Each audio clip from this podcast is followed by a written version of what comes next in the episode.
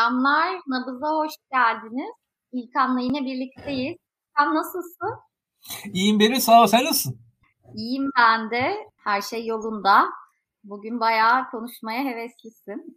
Çok, Çok konuşacak şey var neresinden başlayalım bilmiyorum ama e, benim aklımda şey vardı ilk olarak sormak istediğim. Bu Gültekin Uysal'ın tweet'i vardı. Çok tartışıldı. Daha sonra da kendisi bir açıklama getirdi biliyorsun. Cumhurbaşkanı adayıyla ilgili Türk milletinin 3 ölçüsü var demişti. 20 yıllık AKP döneminde sorumluluğa ortak olmamış olmak olarak birinci ölçüyü belirlemişti. Bunun üzerine tabii gözler hemen daha önce AK Parti'de görev almış ve şimdi kendi partilerini kurmuş Deva Partisi ve Gelecek Partisi'ne çevrildi.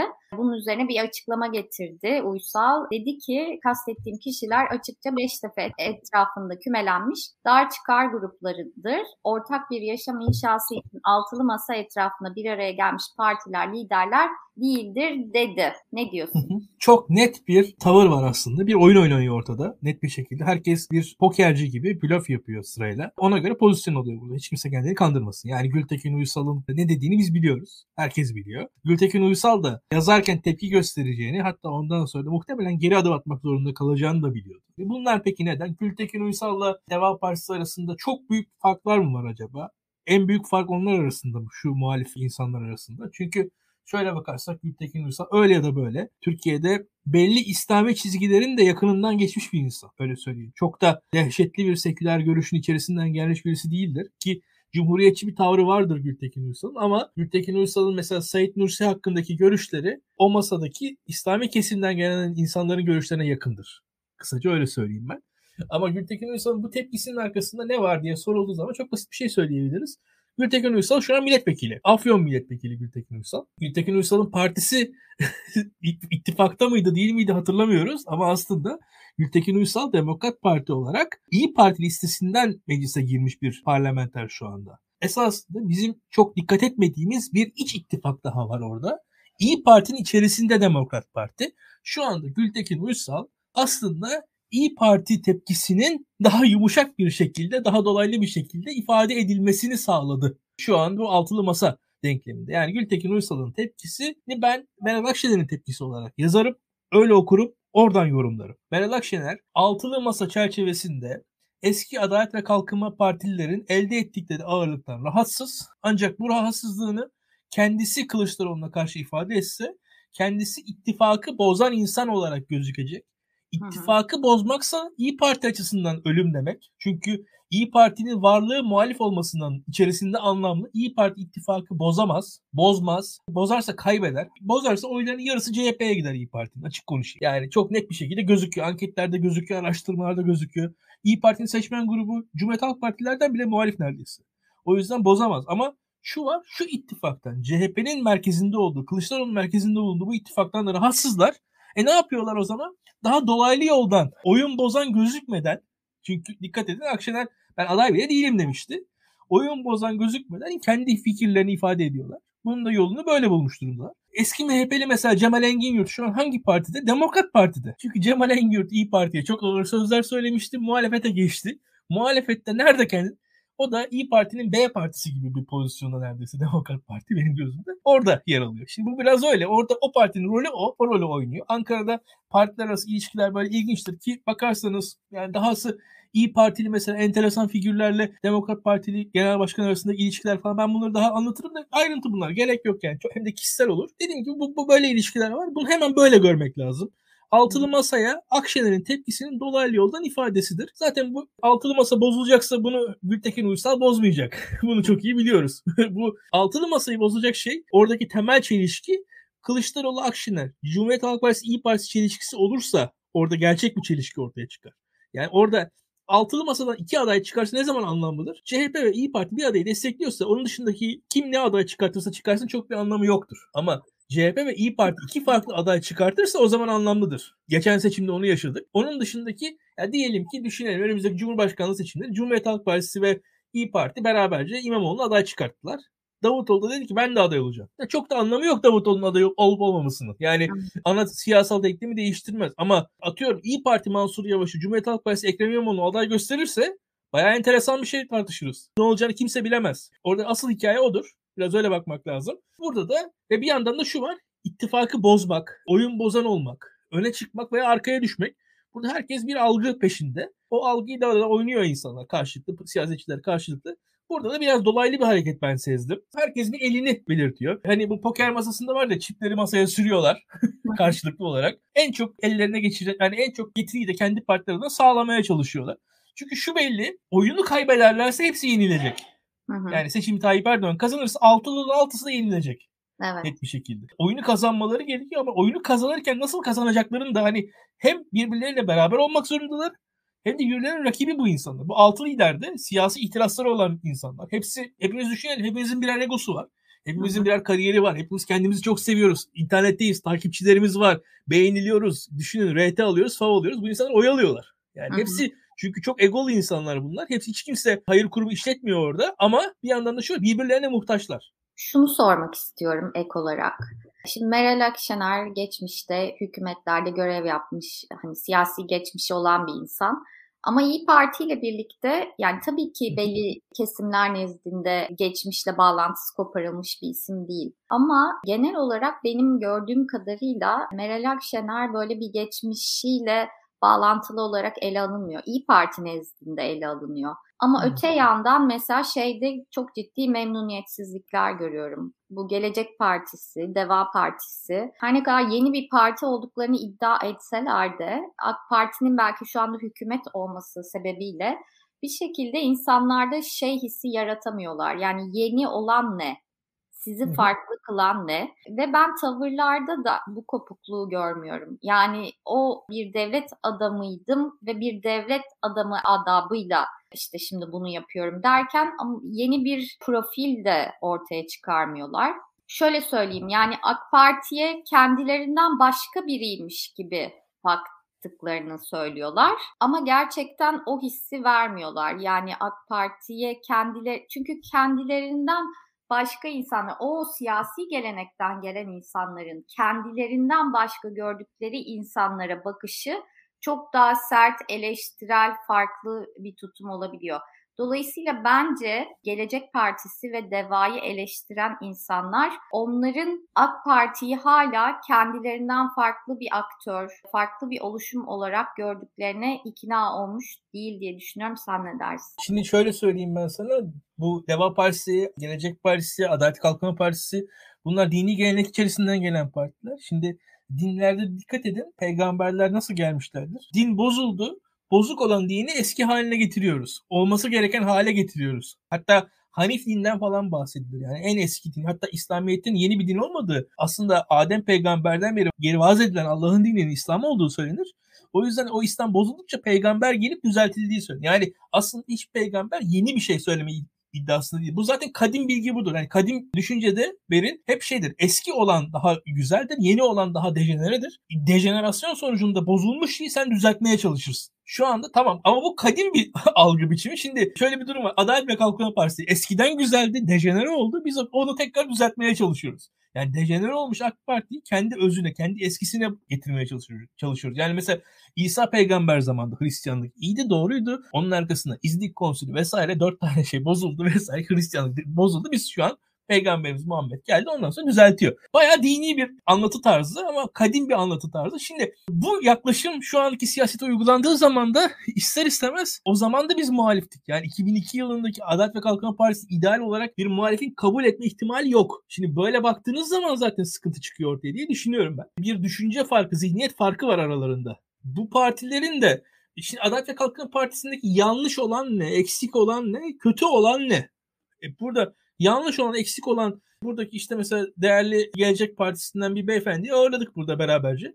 E, sorduk. Şahap Kavcıoğlu'ndan bahsetti. Şimdi tamam Şahap Kavcıoğlu önemli. Şahap Kavcıoğlu'nun eksikleri, yanlışları var eyvallah. Ama şu var Adalet ve Kalkınma Partisi iktidarını eleştirirken bizim hani Berat Albayrak'tan başlayıp Şahap Kavcıoğlu'nda biten bir eleştiri perspektifimiz varsa, eleştiri spektrumumuz varsa biz o zaman çok körüz. Türkiye'de affedersin işkence var şu an Türkiye'de. Atıyorum şu an Türkiye'de açlık var. Şu an Türkiye'de gazeteciler kaçıyorlar. Yani insan hakları ihlalleri neler olmuş durumda? Yani mesela hadi liberaller olarak biz söyleyelim. Yani burada Ahmet Şıklar içeri girdi, Nedim Şener içeri girdi. Bunlar yaşanırken kimse bir şey demedi. Öbür taraftan bakın ya ülkede 30 tane sorun çıkmış durumda. İnsan hakları ihlalleri, gelir dağılımının bozukluğu, bir yandan kadrolaşma. Bütün bunlar yaşanırken hiç kimse bir şey dememişken ve siz şu anda Şavk Avcıoğlu'nda biten Berat Albayrak'ta başlayan bir eleştiri getirdiğiniz zaman insanlar inanmazlar size. Yani insanlara inandırıcı gelmez. Ve burada şöyle bir şey var. Ali değil Veli. Veli değil Ali. Şimdi Daktilo'da bu, şurada İlkan Dalkuç olmasaydı yerine Enes Özkan olsaydı Beril Eski olmasaydı yerine Pırıl olsaydı çok bu şey değişirdi. Tamam bir şeyler değişirdi ama hani ana çizgisinde çok da bir değişiklik olmazdı. Biz burada hani temel bir daktiloya başka bir paradigmanın egemen olması anlamına gelmezdi bu diye düşünüyorum ben. Ve bu sadece kişisel bir şey olurdu. Yani ya kardeşim işte biz, biz perşembe niye perşembe günü program yapıyoruz? Biz pazar günü program yapmak istiyoruz diye biz ayaklansak tamam mı daktiloda? Bunun anlamı kadar bir anlamı olurdu. Yani içerik içerik yok anlamında. Yani biz şu anda burada gerçek bir şey değiştirmek istemiş olmuyoruz. Yani düşün senle ben ayaklandık perşembe günü ama içeriye dair bir itirazımız yok. Yani biz sadece zarfa dair bir itiraz var. Mazrufa dair bir itiraz yok ortada. Yani burada tamam yolsuzluk var doğru. E, yolsuzluk var da yani açık konuşayım. insanlığın var olduğu günden bugüne kadar hırsızlık var. Hırsızlık Adalet ve Kalkınma Partisi döneminde artmış olabilir. Adalet ve Kalkınma Partisi döneminden sonra azalacak olabilir. Ama şu var. Yani bitmedi ve bitmeyecek hırsızlık. Yani diyelim ki en ahlaklı Adalet ve Kalkınma Partililer şu an Türkiye tekrar iktidara geldi. Hırsızlık sıfır mı olacak? E birileri de çalacak yani onlar arasında da onu da biliyoruz biz. E şimdi buysa sadece mesele hiçbir meseleye dair bir en azından benim gibi üçüncü noktadan bakan birisi açısından bir şey söylemiyor bu arkadaşlar. Yani birazcık da içerik olmasın ve şöyle bir durum var. Bu kadar iyiyse Adalet ve Kalkınma Partisi, iyiyse 2002'de nasıl bu noktaya geldi? Bunun suçlusu neydi? Ve bu insanlar kendileri bu kadar ahlaklılarsa Tayyip Erdoğan'a bu kadar gücü neden verdiler? Öyle söyleyeyim. Bu kadar gücü verirken neden durdular? Yani atıyorum Abdüllatif Şener itiraz ederken Abdülatif Şener'in yanında durmamalarının sebebi neydi? Abdülatif Şener de yolsuzluktan dolayı ayrıldı mesela. 2004 yılında neredeyse. Şimdi o zaman hani Abdülatif Şener acaba başka bir algıda mıydı? Yanlış mı düşünüyordu? Şimdi Ahmet Davutoğlu'nun Abdülatif Şener'e getirdiği eleştiri onda gördüğü hata ne? Ya böyle bakıldığı zaman başka sorular çıkar. Ben öyle düşünüyorum. Ha bu şu demek değil. Ben kategorik olarak reddetmiyorum birçok şey. Yani muhalif olabilen olsun. Herkes kendine göre muhalif olur. Biz de sonuçta itiraz edeceğiz, geçeceğiz. Kendileri öyle bilirler, öyle yapıyorlar. Birincisi ama böyle bir muhalefetle de pek oy alamıyorlar. Onu da söyledim ben. Hep söylüyoruz zaten. Böyle bir muhalefetle oy almaları imkansız. Çünkü şöyle bir şey var.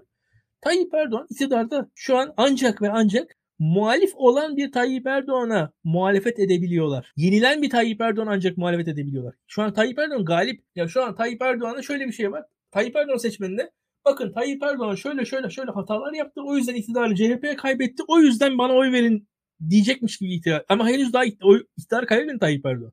Yani şu anda İslami kesim açısından Davutoğlu'nun Babacan'ın söylemleri ancak Tayyip Erdoğan iktidardan düştükten sonra anlamlı. Şu an için ben İslamcı bir insanım diye düşünelim. E, Tayyip Erdoğan beni iktidarda temsil ediyor. Siz bana muhalefet vaat ediyorsunuz. yani anlatabiliyor muyum? Bana muhalefet vaat eden bir grup var, bana iktidar vaat eden bir grup var. Yani bana muhalefet vaat edene oy vereyim, bana iktidar vaat edene oy vereyim. Yani bence kendileri açısından da anlamsız bir siyaset, anlamsız bir söylem zemini oluşturmuşlar, anlamsız bir siyaset oluşturmuşlar diye düşünüyorum. O yüzden oy alamıyorlar. Yani şu an çünkü İslami kesim içerisinde sen, sen gene İslamcı olarak kal, sen yine dava de. Dava dendikten sonra davanın muhalefete mi düşmesi daha iyi, iktidarda mı kalması daha iyi dava içerisinden bakarsak programa adını veren yazıyı sormak istiyorum sana. Ertan Aksoy'un yazısı. Ertan Aksoy diyor ki SODEV Başkanı ve Aksoy Araştırma Şirketi'nin kurucusu Aksoy. Kutuplaşma bu kez AK Parti'ye kaybettiriyor diyor. Bence bu yeni bir teori değil. Daha önceki seçimlerde de söz konusu olmuştu. Sen bu yazıyla ilgili ne demek istersin? Heh, Ertan Aksoy'un dediklerini ben biraz bir tık daha ortalama anketçiye göre ciddiye alıyorum. Neden bir tık daha ciddiye alıyorum? Ertan Bey'le biz konuştuk. Gerçekten de daha öncesinde bu İmamoğlu adaylığı bağlamında konuşmuştuk. Kılıçdaroğlu'na İmamoğlu ismini söyleyen ekipte Kılıçdaroğlu'nu İmamoğlu'nun adaylığına ikna eden ekipte açıkçası popüler bir adaydansa bu formatta bir aday, formda bir aday. Yani İmamoğlu formunda bir adayın aslında başarılı olabileceğini yani nispeten icraatla tanınan, çok siyasal olarak kutuplaşmanın dışında kalmış bir adayın aslında seçimi kazanabileceğine dair bir araştırmalarla Kılıçdaroğlu'na gittiler ve CHP'de bir ekip İmamoğlu ismine Kılıçdaroğlu'nu ikna etti. Kılıçdaroğlu da bu noktada yakın bir yaklaşımdaydı açıkçası. Ee, ve Şimdi Ertan Aksoy'un bu Kılıçdaroğlu iknasını ben bildiğim için de birazcık beni etkiliyor bu. Acaba şu anda da bu Ertan Aksoy ve yakınındaki insanların da yine açıkçası başka bir paradigmayla Kılıçdaroğlu'na gittiklerini düşünüyorum. Burada benim gördüğüm şey şu. Şu anda yine bir belirli görünen anketler var. Tamam mı? Hani görünen anketler nedir? İmamoğlu önde. işte Mansur Yavaş önde. Kılıçdaroğlu o kadar önde değil. Ama bunların söyledikleri şöyle bir yaklaşım var. Türkiye'nin bizim klasik olarak gördüğümüz demografisi şu an değişiyor diyor birincisi. Türkiye bir azınlıklar daha etkin oluyor. Kürt nüfus artıyor. Sünni Türk çoğunluk giderek yaşlanıyor e, bir taraftan. Genç, Sünni kesimin gençleri nispeten daha apolitikleşiyorlar. Siyasal İslam ağırlığından daha azalıyorlar. CHP antipatisi, CHP asla oy vermem duygusu azalıyor. Yani aslında şu var, Türkiye bundan 20 sene önce laik İslamcı diye kutuplaştığı zaman aslında İslamcıların kazanacağı kutuplaşma yani popülist olarak Sünni Türk kesim biz de oh kazandık yaklaşımının bundan sonra adım adım daha az geçerli olacağına dair bir paradigma bu. Ve bu paradigma içerisinde bir taraf kutuplaşmanın arkasından yürürken biz bu kutuplaşmanın paydaşı olmadan kutuplaştırmaya çalışan rakibimize rağmen kazanabiliriz duygusundalar burada. Bu araştırmaları da bu analizi de aslında ona dayanıyor. Yani diyor ki bundan sonra şu anki Türkiye demografisinde artık gençler eskisi gibi %70 sağ %30 sol gibi ayrılmıyorlar. Biz bunlardan daha yüksek oy alabiliriz. İktidarın söylemleri kendi çekirdek seçmenine dair söylemler. Onları motive eder ama biz kalan seçmenlerin daha büyük çoğunluğunun oyunu alır seçimi yine kazanabiliriz yaklaşımındalar bunlar. Ve o yüzden de şunu diyorlar hatta. Yani Kılıçdaroğlu'nun oyu şu an o kadar düşük gibi gözükse de İmamoğlu'nun belediye seçimlerinde yaptığına benzer bir arkadan gelip daha yüksek önde ileri çıkmaya benzer bir hareketi Kılıçdaroğlu'nun İmamoğlu İstanbul Belediye seçimlerinde yaptığı şeyi yapabileceğine dair bir paradigma var şu anda. Kılıçdaroğlu adaylığının arkasında da böyle paradigma CHP içerisinde ilerliyor. Orada da yani onlar da e, bakıyorlar ki hakikaten CHP içerisindeki insanlar da hani onların da kendi onlar da aptal değil. Onların da önüne bizim önümüze gelen anketler geliyor. Yani Mansur Yavaş işin önde gören anketler, İmamoğlu'nun önde gören anketler geliyor. Onların ise bu anketlere cevabı en azından Kılıçdaroğlu tarafının cevabı nedir diye soruyorsanız, Kılıçdaroğlu aday olsun diyenlerin cevabı nedir diye soruyorsanız bu yazıyı göstermek istiyorum ben bence. Biraz izleyicilerimize de siyaseten kim ne diyor diye böyle biraz yol göstermek de bizim görevimiz diye düşünüyorum. Biraz o yüzden bu yazıyı konu edelim dedim. Buradaki yaklaşım şu. Ya biz klasik Kılıçdaroğlu sizin zannettiğiniz gibi sağ sol ayrışmasının zannettiğiniz kadar kaybetmeyecek. Çünkü genç seçmenler var. Çünkü artık arkadan başka bir demografik seçmen grubu geliyor. İktidar kendisi böyle bir kutuplaşmayla kazanacağını zannederek o kutuplaşmadan ürkecek Genç seçmen bize kaçacak. Biz o kutuplaşmaya hiç girmeyeceğiz. İmamoğlu'nun yaptığı gibi bir kampanyayla daha güler yüzlü, hiç o topa girmeden, hiç kavga etmeden bir taraf kutuplaştırmaya çalışacak. Ama o kutuplaşma bağlamının hani kutuplaşma bağlamında olmayan bir şey olarak biz adaylığımızı ortaya çıkartacağız. İmamoğlu'nun nasıl beğenisi falan %15-20 idi. %15-20'den %49'a kadar geldi seçim şeyine kadar. Biz böyle bir şekilde seçimi kazanırız diye bir öngörü var. Ve orada da şunu söylüyorlar. Öngörüde şöyle bir yanlış var evet. bence. Demografi değişiyor ve işte farklı kitlelerin ağırlığı artıyor. Ağırlığı olan kitlelerin ağırlığı azalıyor vesaire. Aslında bunun bir anlamı da eski siyasetten yeni bir siyasete geçiş de başlıyor. Dolayısıyla yeni bir siyasette Türkiye'de yani çok uzun yıllardır siyasette yer almış ana muhalefet partisinin başkanı nasıl bunu karşılayabilir? Orada bir uyuşmazlık var bence. Bir de şunu söylüyorlar. Erdoğan'a karşı muhalif olan birine oy verebilecek bir kişinin teoride ve pratikte Kılıçdaroğlu'na verebilir olduğunu düşünüyor. Yani bir kişi Erdoğan mı Mansur Yavaş mı dediği zaman Mansur Yavaş'ı tercih ediyorsa seçim atmosferinde seçimin sıcaklığı geldiği zaman er ya da geç bir şekilde Kılıçdaroğlu'na da ikna edilebileceğini, potansiyel Kılıçdaroğlu seçmeni olduğunu söylüyorlar. Tabii eleştiriler de var ama karşı taraf ne diyor diye biraz göstermek gerekir. Ben de bunu katılıyorum diye söylemiyorum açıkçası. Bunda bir olgu olarak önümüze koyalım yani. Karşı taraftaki paradigma bu. Yani denklemi kuruşunda bir sorun olduğunu söylüyorum. Yani veriler ve e, o değerlendirmenin yol açabileceği sonuç olarak problem olabileceğini söylüyorum. Tabii tabii tabii olabilir. Her şey olabilir.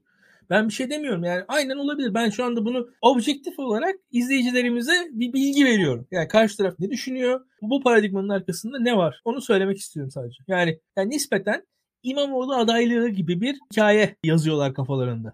Yani hemen hemen. Bu seçim kampanyasına dair. Yani bir şekilde Tayyip Erdoğan bize saldıracak. Biz cevap vermeyeceğiz. Tayyip Erdoğan saldıracak. Cevap vermeyeceğiz. Alttan alacağız. O sayede de yavaş yavaş yavaş yavaş daha yüksek oy alacağız. Öyle bir hikaye söylüyor. Peki biraz ekonomiyle ilgili bir şeyler sormak Hı. istiyorum. Senin ekonomiyle ilgili yaptığın yorumların farklı bir perspektifte oluyor. Şimdi şöyle, bunu daha önce de programda konuşmuştuk. 250 bin dolarlık ev alan bir yabancı Türkiye vatandaşlığına alabiliyordu. Bu fiyat evet. şu an 400 bin dolara çıkarıldı ve bunun çıkarıldığı dönem evet vatandaşlığa belli ki ilgi çok fazla Hatta şöyle arkadan bilgiler geliyor, fısıltılar geliyor. Bazı işte özellikle Rusların oturma izni başvurularının reddedildiği, onların bir anlamda ev almaya mecbur edildiği, işte böyle bir para akışı sağlandığı gibi iddialar dolanıyor. Ne kadar doğrudur bilemiyorum. Ama sonuç olarak bunu yapıldığı zaman tamam böyle bir talep var, böyle bir para akışı sağlanıyor, böyle bir emlakçılar sattıkları evin 6'sının 7'sinin yabancılara özellikle son dönemlerde Ruslara satıldığını söylüyor. Ama öte yandan ev fiyatları ve kira fiyatları baş edilemez durumda. Ve gerçekten insanlar hani bir dönem şeyi çok konuşurdu. Taksici terörü. Hani taksicilerin işte insanlara yaşattığı zaman zaman şiddet içeren, sözlü ya da fiziksel şiddet içeren olayları konuşurduk. Bunları işte videolayanları oldu. İşte şikayetler vesaire bu çok büyük bir mevzuydu. Şu an çok benzerlerini insanlar ev sahiplerinden yaşıyorlar. Sürekli bir tehdit altında yaşıyorlar. Evden atılma tehdidi altında inanılmaz kira zamlarıyla karşı karşıyalar. Yasal zammı yapmaya kiracılar bu hakları olduğu halde utanır oldular. Ve işte bu yayınlarda da konuştuk. İnsanlar boşanamıyorlar. Ev tutamadıkları için bir daha ev bulamayacaklar diye. Zaten ev alamıyorlar. Yani alabilen alıyor tabii ki ama hani orta sınıfın ev alması imkansızlaştı. Hı hı. Ve böyle bir dönemde vatandaşlık için fiyatların buna çıkarılması bence ev fiyatlarını biraz daha arttıracak bir hamle olur. Özellikle yabancı insanların tercih ettikleri metropollerdeki mahallelerde. Sen ne diyorsun? öfkeliyim, kızgınım, hırçınım. Gayet hani o neredeyse Recep İvedik gibi falan bir noktaya geleceğim. Arkadaşlar bir defa bizim yayınımızı beğensinler, paylaşsınlar. Bir onları söyleyeyim. Bir de şöyle söyleyeyim Belir. Türkiye'deki hükümetin bu konuda şuursuz, neredeyse kontrolsüz ve ölçüsüz olduğunu düşünüyorum. Türkiye'deki hükümetin şu anki politikası yüksek kur düşük faiz politikası basitçe söyleyelim. Bir defa Türk parasının değersiz olduğu bir zamandan geçiyoruz. Bizim Türkiye'de Türkiye'de Türklerle iş yaparak kazandığımız para TL. Biz şu an TL kazanabiliyoruz. Bizi izleyenler TL kazanıyorlar. Bak bizim bizi izleyen bakkalımız TL kazanabiliyor. Yani ekmek satarak dolar almıyor kimse. Biz bunu yaşıyoruz. Şimdi böyle bir durumda bir defa yurt dışındaki insanlar Türklere göre avantajlılar avantajlı başlıyor. İkincisi çok basitçe söyleyelim. Sen mesela Cihangir'de yaşıyorsun. Diyorum Eskişehir, Bakırköy vesaire hayatında veya ben İzmir, öbürü Antalya. Bizi izleyenler Eskişehir, Muğla, Kütahya, Diyarbakır, Iğdır, Hakkari. Bir defa bir yeri, bir yer yapan oradaki insanlar. Yani bunu bunu görmek lazım. Yani bu konuda birazcık daha yani yerellikten bahsettik daha önceki yayınlarda. Yerel seçimler öncesinde çok şey konuşmuştuk. Yani bir defa buranın konutun metalaşması sırasında bazı ölçülerin olması gerektiğini düşünüyorum ben.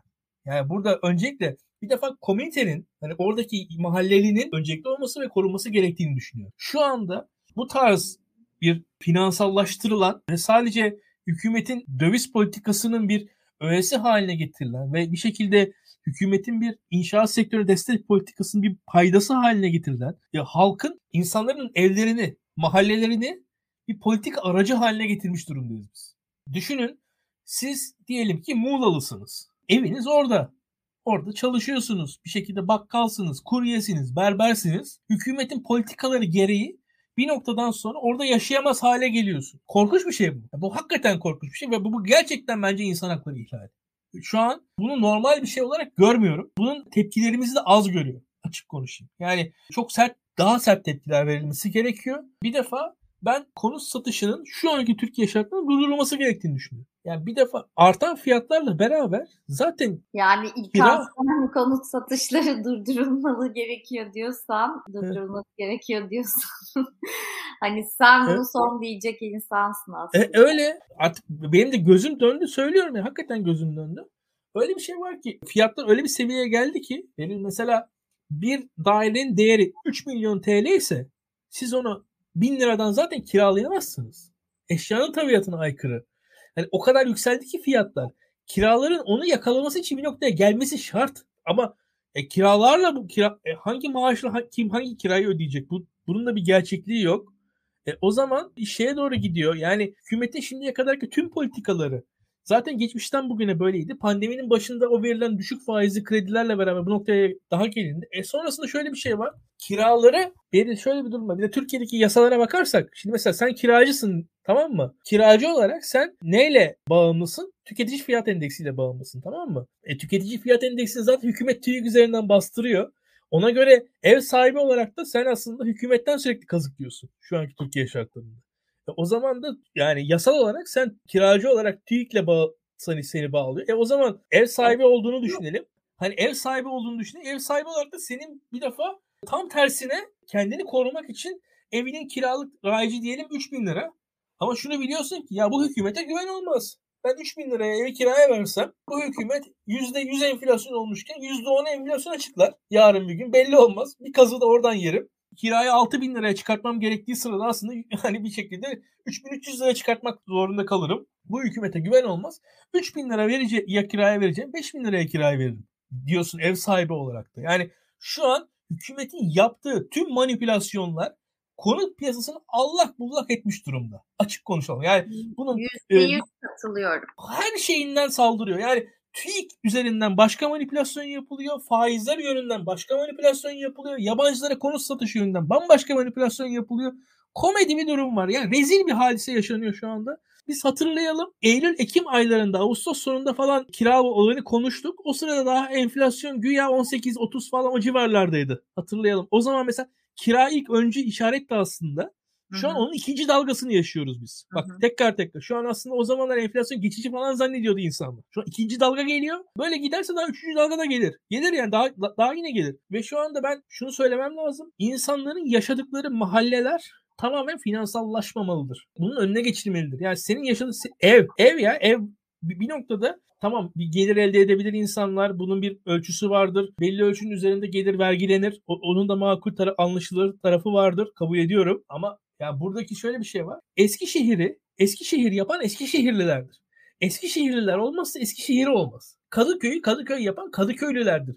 Tuzla'yı Tuzla yapan Tuzlalılardır. Pendik'i Pendik yapan Pendiklilerdir. Orada bir insan topluluğu var. Onu yok ederek, onu hiçbir şekilde kale almayarak, yani bir makro değerler silsilesinde belli dengelere ulaşmak için böyle absürt bir şey yapılamaz diye düşünüyorum. Hükümetin de şöyle söyleyeyim. Hani millet de şey o 250 bu manipülasyonlarla ilgili bir şey daha söylemek istiyorum. Ben şöyle şeyler de görüyorum mesela. Devletin para toplama gücü de azaldı bence. Çünkü insanlar şöyle düşünüyor. Nasıl olsa enflasyonu düşük gösterecek. Sokaktaki enflasyon bu. Dolayısıyla faiz düşük olacak. Ben bunu niye şimdi ödeyeyim ki? ödemem gerekene kadar ödemem. İşte vergi borcumu ödemem. İşte bilmem ne borcumu ödemem. Çünkü faiz benim için enflasyona göre çok düşük. Bu paranın şu an elimde olması bana daha çok kazandıracak. Belki döviz alması daha çok... Yani aslında bu manipülasyon devletin para toplama kabiliyetini de sakatlayan bir duruma Tabii. Onu Aynen evet. öyle. Ya orada zaten şöyle bir şey. Enflasyon endeksi kağıtlar var devletin dağıttığı tamam mı? O kağıtlardan dağıtamayacağı için bir yerden sonra enflasyonu dost doğru göstermeye başladı. Ben onu söyledim. Ocak ayında falan bir ara ben iddialı iddialı çift taneli falan açıklanacak diyordum. Hiç kimse açıklanamayacak diyordu ya. Orada bile aslında onu açıklamaların sebebi oydu. Bir noktadan sonra birazcık da doğru düzgün açıklamak zorunda kaldılar. O, o sayede 60'a geldi. Herkes 10-10 tutarlar zannediyor. 10-15 arası tutarlar. Tutamazlar zaten. O belliydi. Bundan sonrası da böyle olacak. Ve şöyle bir durum var. Hakikaten burada yorumların hepsi doğru. Gelen yorumların hepsi doğru. Ve şunu söyleyeyim. Hükümet şu anda açıkçası yani dünyadaki örneklerde de bu arada onu da söylemek lazım. Yani dünyadaki örneklerde de gayet yerel halk korunur. Yerel halk öncü olarak tutulur. Öncelik gösterilir. Portekiz gibi bir tane egzantrik örnek var. Mesela Portekiz örneğinde bile benim. Şöyle söyleyeyim şu an Lisbon'da ve Portekiz sahilinde ev satışını yasakladılar. Portekiz'de de o durduruldu. Merak etmeyin orada da durdurulacak. Yani iyi gitmiyor. Ve şu anda da hükümet 250 bin dolardan 400 bin dolara çıkarttı güya vatandaşlığı. Ki bu da bence tamamen bir komedi. Hiçbir şekilde anlamlı görmüyorum. Yani dünyanın her yerinde açıkçası mesela vatandaş olurken neler neler soruluyor. Türkiye'de hiçbir şey sorulmadan böyle bir çat diye vatandaşlık alınıyor. 3 yıllık iddia edildiği kadarıyla bir şey. Hayır, şey yok. yani oturma izni de verebilir. Neden evet. çat diye vatandaşlık veriyor? Yani Aynen öyle. böyle işliyor bu. Hani Evet. Portekiz'de ev aldığınızda, Yunanistan'da ev aldığınızda size oturma izni veriliyor. Size Kesinlikle öyle. vatandaşlık verilmiyor ki. Kesinlikle öyle. Yani bakın para karşılığında 5 yıllık mesela oturma izni veren ülkeler var. Para belli parayı veriyorsunuz. Türkiye kadar yüksek de değil. Ama o parayı net devlete veriyorsunuz. Ev falan almıyorsunuz. Hiçbir şey gerek yok. Gidiyorsunuz oturma izni alıyorsunuz. Mesela turist vizesinin belli bir süresi var. Zaten birçok ülkede biliyorsun beni. Yani turist vizesi için 100 dolar veriyorsun ya. Onun gibi işte 5 yıllık oturma izni içinde mesela işte 2000 dolar falan para veriyorsun. O, veyahut da 5000 dolar para veriyorsun. 5 yıllık oturma izni alıyorsun. Öyle ülkeler var dünyada. Ya biz oturma izni niye vermiyoruz da vatandaşlık veriyoruz ve bu işi de niye emlağa bağlıyoruz böylece? Hükümet şu anda aktif olarak piyasayı bozuyor. Yani ben orada özellikle söyleyeyim ya hani ya pasaport satsa hükümet ya Türk Türk pasaportu kardeşim 2000 dolardır dese satsa şu an daha düzgün bir ülkede yaşıyor olurduk. Komedi bir durum, rezil bir durum yaşıyoruz. Başından sonuna yanlış bir politika ve halkı pazarlayan, halk meta olan şey, meta olan şey senin oluşturduğun komünite. Yani senin oluşturduğun, senin mahallen şu an meta. Senin ilçen şu an meta.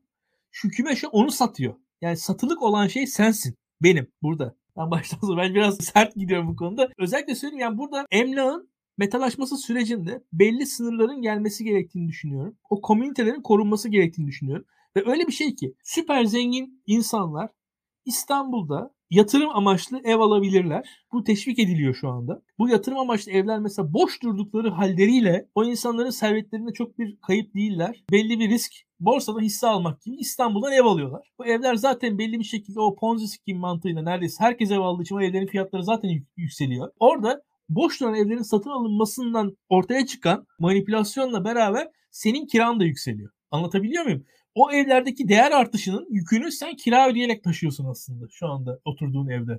Yani bir tane alakasız adamın adı bilinen bilmem ne bilmem ne falan filan my world bilmem hani işte o işte büyük sitelerde aldığı ve boş tuttuğu evin yarattığı manipülatif değeri sen şu an sırtında kira ödeyerek taşıyorsun. Çok komik bir şey ama bu. E, bir soru gelmiş. Toplumun bir kesiminden diğerine kasıtlı sermaye aktarımı yapıldığını düşünüyor musunuz? Bunun olduğu yerler var. Bu bunlardan bir tanesi mi? Evet. Kasıtlı. Evet kasıtlı. Yani ama şu an artık öyle bir noktaya geldik ki bu işin artık ipin ucu kaçtı şu an Türkiye'de. İpin ucu hakikaten kaçtı. Toplumun bir kesiminden bir kesimine de geçti olay. Çünkü burada hani kim ne bağlanıyor falan da geçti. Yani birbirinin kendi kuyruğunu kemiren bir o kurt gibi yani Türkiye artık o, o, ona dönmüş durumda sistem ya. Ben ben şu an o konuda artık eskisi gibi yolsuzluk bile olmuyor şu an ülkede. Öyle söyleyeyim. Yani hani e, çünkü eskiden en azından ortada bir rant vardı. Onun yolsuzluğu yapıldı. Şu an kendi kendini kemiren bir sistem içerisindeyiz. Daha da kötü bir durumdayız. Yani şu an şu anlatılan yorum bence Türkiye için iyimser bir yorum. Yani toplumun bir kesiminden bir kesimine falan değil. Şu an Türkiye kendi kendini kemiriyor. Çünkü şu anda biz Türkiye'de mesela var olan bir komünitenin komüniteyi yok ediyoruz şu an. Yok ediyoruz. O komüniteler yok ediliyor şu an. Erdoğan buna müdahale edeceğim demişti. Sence müdahale edecek mi? Yani şöyle bir durum var. Biz ne kadar tepki gösterirsek ona göre müdahale edecek. Daha çok tepki göstermemiz gerekiyor. İlk başta insanlar mesela bilinçli olmamız gerekiyor. Bakın şimdi benim 250 bin dolardan 400 bin dolara çıktı. İnsanlar dediler hükümet müdahale etti. Ya tam tersi çok yanlış bir müdahale etti. Şu anda 250 bin dolardan bir defa 250 bin dolar 400 bin dolar dışarıdan gelen için aynı mertebede bir fiyat. Bu bildiğiniz müdahale değil çağa uygun bir zam yapmış durumda hükümet sadece. Zam yaptı yani bunu engellemedi kısıtlamadı zam yaptı. Yani bunu mesela siz şey yaparsınız 250 bin dolar 2,5 milyon dolar yaparsınız o zaman hakikaten belli bir frenleme olur. Şöyle bir şey ki o zamanda da Sadece 3 yıllık kısıtlama var. O 3 yıllık kısıtlama da bence az. Öyle söyleyeyim. Onu da mesela 10 yıla çıkartırsınız bir anda hiç kimse böyle kolay kolay yapamaz hale gelir mesela. Yani ne hani atıyorum. 3 yıl olan ne kısıtlaması? Şimdi 250 bin dolarlık bir ev alıyorsun. O evi 3 sene boyunca satamıyorsun. Hı, tamam. Esasında 250 bin dolarlık ev, evi alıp 3 sene sonunda 250 bin dolarlık evi 270 bin dolara sattığın zaman aslında hem kar edip hem vatandaş olabiliyorsun bedavaya. Yani Türkiye'de öyle bir öyle bir şey var yani. Hani yani Türkiye çok fırsatlar ülkesi yani bu açıdan. Herkes vatandaş olmak istediğini düşün.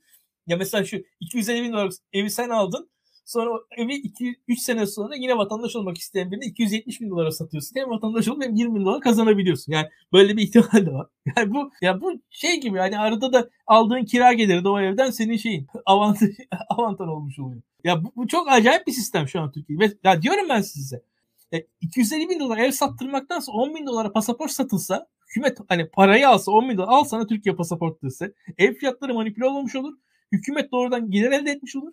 Bütün bunlar daha mantıklı olur. Çok komik bir şey. Hakikaten anlamıyorum. Kesinlikle durması gerekiyor. Ay bunun yarattığı bir tedirginlik var. Yani neredeyse kiracılar mahcup ev sahiplerine. Hani ben o kadar kira ödeyemem aman beni atmasın, aman şey yapmasın. Yani böyle insanlarda yani insanlar aşağı kiracı oldukları için aşağılanıyorlar yani kiracı olmak hani Türkiye'de hukuka göre bir sürü hak sahibi olduğu bir durum. Ama kiracılar inanılmaz derecede aşağılanıyorlar ve aşağılık hissederek yaşıyorlar. Yani orta sınıfın çöküşü dediğimiz şey aslında onunla birlikte hakikaten Mesela bu kiracılar üzerindeki şey de onun çok büyük bir parçası. Çünkü en huzurda hissetmen gereken yer yaşadığın yer ve bir daha yani e, bir evden çıkarıldığında bir daha öyle bir ev tutamayacağını bilmek insanların hayat standardını inanılmaz düşürüyor. Yani hayatla ilişkilerini inanılmaz değiştiriyor.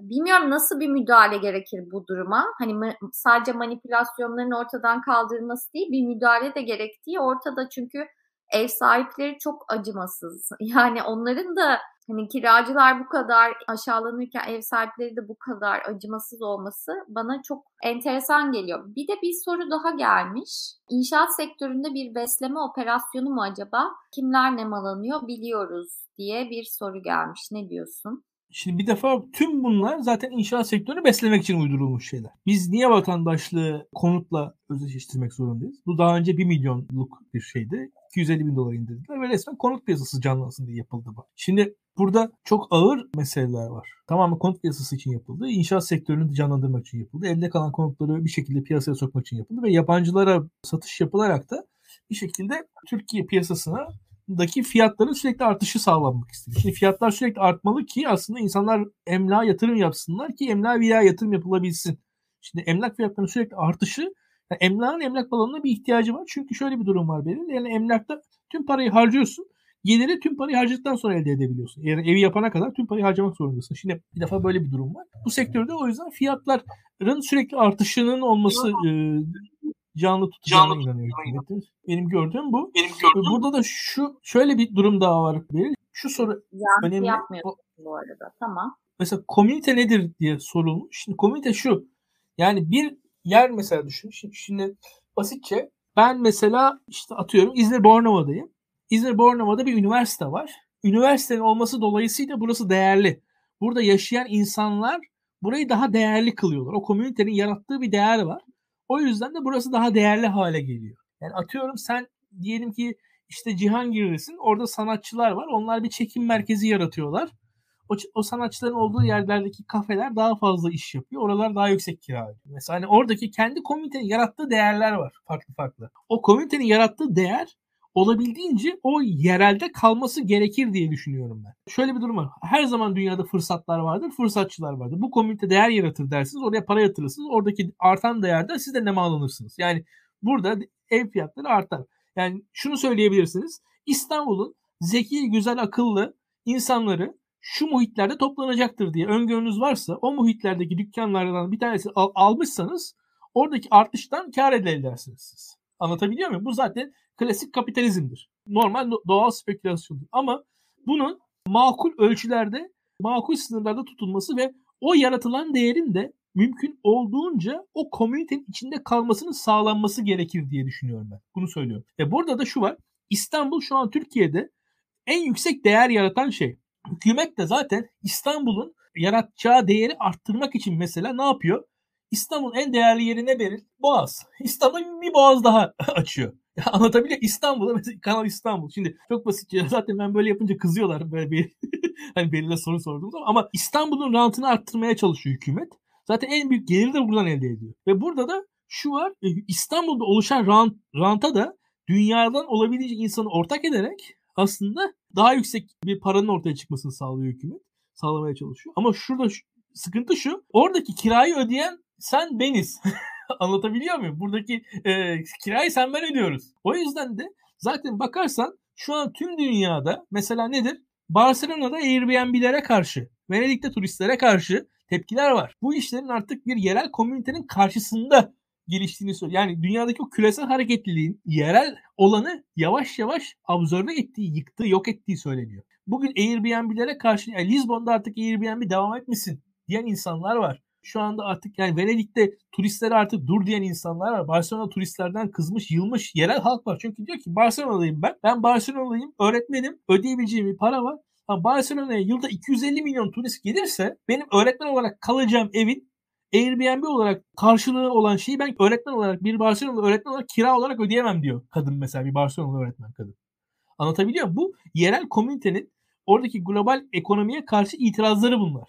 Şimdi Halbuki Bodrum'da da epey eylemler oluyor bu konuda. Çünkü Tabii. memurluk yapan bir insanın Bodrum'da kiralık bir evde yaşaması mümkün değil o maaşla. Yani maaşından daha fazla Tabii. kira vermesi lazım şehir dışına yaşaması lazım. O zaman işte ya araçla gitmesi lazım ya bilmem ne kullanması. Araç kullanmanın bedeli de var. İşte benzin olmuş bilmem ne. Yani bilmiyorum. Bence bu çok büyük bir sorun. İnsanların hayatlarını, gündelik hayatlarını çok etkileyen bir sorun. Ve bu konuda hiçbir şey yapılmaması beni çok şaşırtıyor. Yani sonuçta oy alacakları insanları da yakından ilgilendiren. Tamam belki belli mahallelerde çok daha fazla artmış olabilir. Ama İstanbul'da kira ortalaması 6 bine çıkmış durumda. Ben diğer mahallelere de bakıyorum. Bu mahalleler hani lüks mahalleler değil daha orta alt sınıf, öğrenci, bu insanların yaşadıkları, birlikte ev tutabildikleri yerler. Orada da inanılmaz bir artış var fiyatlarda, kiralarda. Yani Kesinlikle. bununla ilgili nasıl nasıl harekete geçilmiyor? Ben gerçekten anlayamıyorum. İlk başta yapılacak şeyler hemen hemen belli. Dediğim gibi bir yabancılara konut satışı net bir şekilde kısıtlanmalı. En azından belli bir süreliğine satılmayacak diye söylenmeli. Bu fiyatların bastırılması için. İkincisi TL'nin dolar karşısındaki değerinin bir şekilde düzeltilmesi gerekiyor. Yani dolar kuru bir şekilde 15 liralardan 7-8 liralara bir şekilde faiz mali vesaire düşürüldüğü zaman sistem daha dengeye oturacaktır. Birkaç öncelikle bunlar olması gerekiyor diye düşünüyorum ben. Bunun yanında tabii devlet yine kendisi vergilerle vesaireyle sistemi yine destekleyebilir. Kiracılara belli noktalarda kira konusunda belki devlet bir şekilde destek vermek zorunda kalacak. Yani hakikaten ben şu anda acayip bir şey yaşıyoruz. Yani ben şunu söylüyorum. 20 yıldır Kadıköy'de yaşayan bir kiracının da belli hakları olması gerekiyor. Bugünden sonra ben 20 sene boyunca Kadıköy'de yaşamış bir insanı biz oradan kapı dışarı etmek, kovma hakkına ne kadar sahibiz? Bunu sorgulamamız lazım. Oradaki o hani oranın o değere çıkmasında onun payı var. Yani o insanın orada bir değeri var. 15 yıldır diyelim ki sen Cihangir'de kiracısın. Şu anki Cihangir'in o değerinde senin de payın var aslında. Ya bunun düşünülmesi gerekiyor diye düşünüyorum. Yani senin orada yaşamanın oraya kattığın bir değer var. O insan insana bir değer, insanları insanların kattığı değerin bilinmesi gerekir diye düşünüyorum. Bu arada ben Cihangir'de yaşamıyorum ama neyse. Olsun mesela yani yok olsun ama sembolik olarak yani tamam sen daha böyle elit bir insan Cihangir'de yaşıyorsun daha şey ben halk insanı Taşra'da yaşıyorum. İnsan. ee, peki benim sorularım bu kadar. Eklemek istediğim bir şey var mı? Ya da bir soru var mı İlkan'a? Sabit fiyat konusu da üfe tüfe farkını açacaktır. Üreticinin kar etmeden satış yapması real değil. Grafikler real değil. Zaten daha da kötüye gidiyor her şey demişler. Sizi seviyoruz demişler. Teşekkür ederiz. İstersen Pakistan falan konuşabilirdik. Genelde o tarz şeyler. Tamam aslında süremizin sonuna geldik ama onu da bir sorayım sana. İbrahim Karagül Yeni Şafak'ta Pakistan'la ilgili yazdığı yazının ardından yazılarına son verildiğini duyurdu. Senden bu durumu nasıl gördüğünü dinlemek istiyorum. Ne diyorsun? Şimdi e, hızla söyleyeyim. Aslında İbrahim Karagül ortalama Adalet ve Kalkınma Partili gibi davrandı. Ortalama Adalet ve Kalkınma Partisi şu anda dünyada olan her darbeyi kendisine karşı bir darbe olarak görüyor. Her iktidardan düşen İslami liderin de kendi Tayyip Erdoğan'ın bir sembolü, Tayyip Erdoğan'ın bir yansıması olarak görüyor aslında. Ancak dünyada farklı farklı ilişkiler biçimleri var. İmran Han iktidardan düştükten sonra iktidara gelecek olan kişi Şahbaz Şerif aslında Pakistan'ın yıllardan beri gelen İslami Partisi'nin temsilcisi. Yani Adalet ve Kalkınma Partisi'nin Pakistan'daki neredeyse kardeş partisinin başındaki insan. O yüzden de Adalet ve Kalkınma Partisi'nin için şu anki Pakistan'daki iktidar değişimi gayet olumlu bir iktidar değişimi. Yani AKP'ye karşı bir iktidar değişimi değil. Şu an AKP'liler Tayyip Erdoğan, 15 Temmuz, Sisi vesaire gündemlerin etkisiyle belli bir kodlara sahipler ve bu kodlarla refleks olarak tepki veriyorlar. Ancak Pakistan'daki reel gelişmeler şu an Adalet ve Kalkınma Partisi ile gayet uyumlu. İmran Han'ın gidip Şahbaz Şerif'in gelmesi hem Yeni Şafak'ın zaten kendi çizgisiyle uyumlu hem Tayyip Erdoğan'la uyumlu ki Şahbaz Şerif ilk kutlayan Tayyip Erdoğan oldu. Şu an Tayyip Erdoğan bu tarz kutlamalarda öncü davranır. Öyle söyleyeyim işine geliyorsa. Ve şu anda da Tayyip Erdoğan şu an çok mutlu eden bir iktidar değişimi oldu. İmran Han'la Tayyip Erdoğan arası zannedildiği gibi öyle çok iyi de değildi. Ve şu anda da aslında şöyle bir durum var. Bir de şunu eklemek lazım. Yeni Şafak'ın da sahipleri, Yeni Şafak'ın patronlarının da Pakistan'da çok ciddi yatırımları var. Bunlar Şahbaz Şerif'in daha önce vali olduğu eyalette yoğunlaşmış durumda. Ve bu büyük yatırımlar, milyar dolarlık yatırımlar da çok net bir şekilde o kişinin yakınlıklarını gösteriyor. Orada aslında patronların yatırımlarına ters yazılar yazan bir yazar gazetesine ayrılmak zorunda kaldı diye okuyorum ben bütün bunları. Teşekkürler Elkan. İzleyicilere de çok teşekkürler. İyi akşamlar. İyi akşamlar. Görüşmek üzere.